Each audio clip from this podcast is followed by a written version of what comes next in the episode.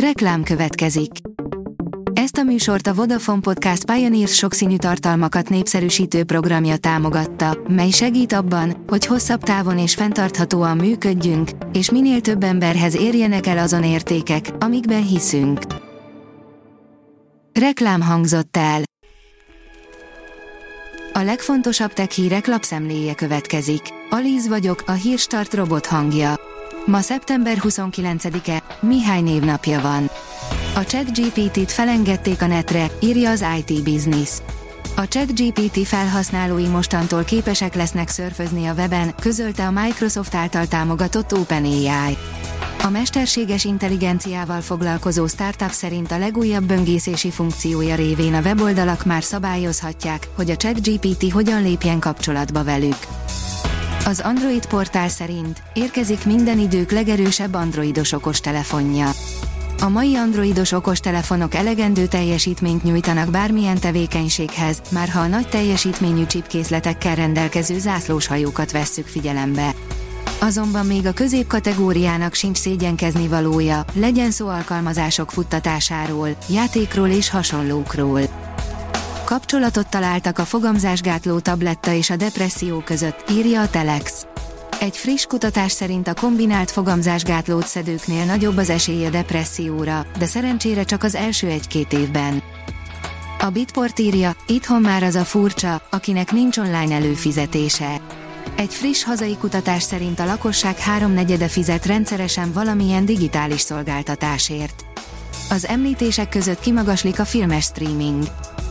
Török barátaink szerint a bájlok használata bűn, írja a Minusos.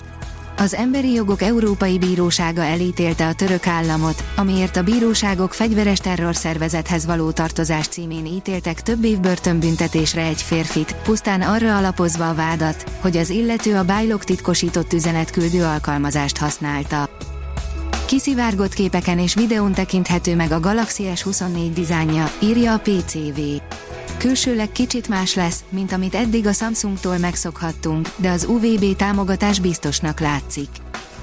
A Digital Hungary írja, napi 75 milliót lopnak a csalók a kibertérben. Naponta 75 millió forintot tettek zsebre a digitális tér kalózai a bankkártyákat és a számlákat támadó csalásokkal az idei második negyedévben. A visszaélésekben érintett pénzek több, mint 70%-a, közel 5 milliárd forint a bankszámlákról tűnt el, emlékeztet Gergely Péter, a biztosdöntés.hu pénzügyi szakértője. Robotkutyák és drónok csapatai szolgálhatnak a jövő háborúiban, írja a rakéta. A Ghost Robotics négylábú gépeit tesztelik katonai célú alkalmazásokra, a drónokkal együttműködő gépeket városi környezetben vetnék be.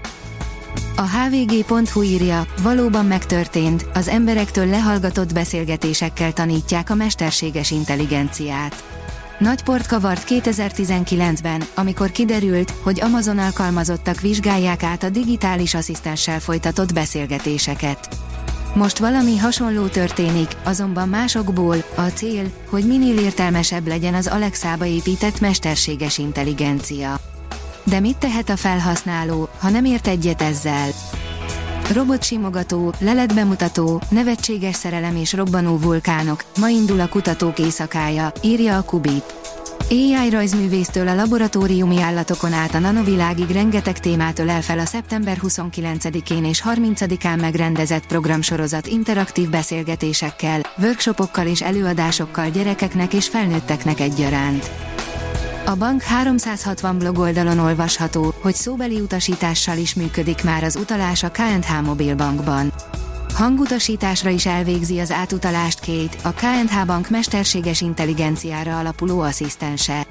Az ügyfélkör 65%-a már találkozott kéttel, 6,5%-a pedig havi szinten igénybe is veszi.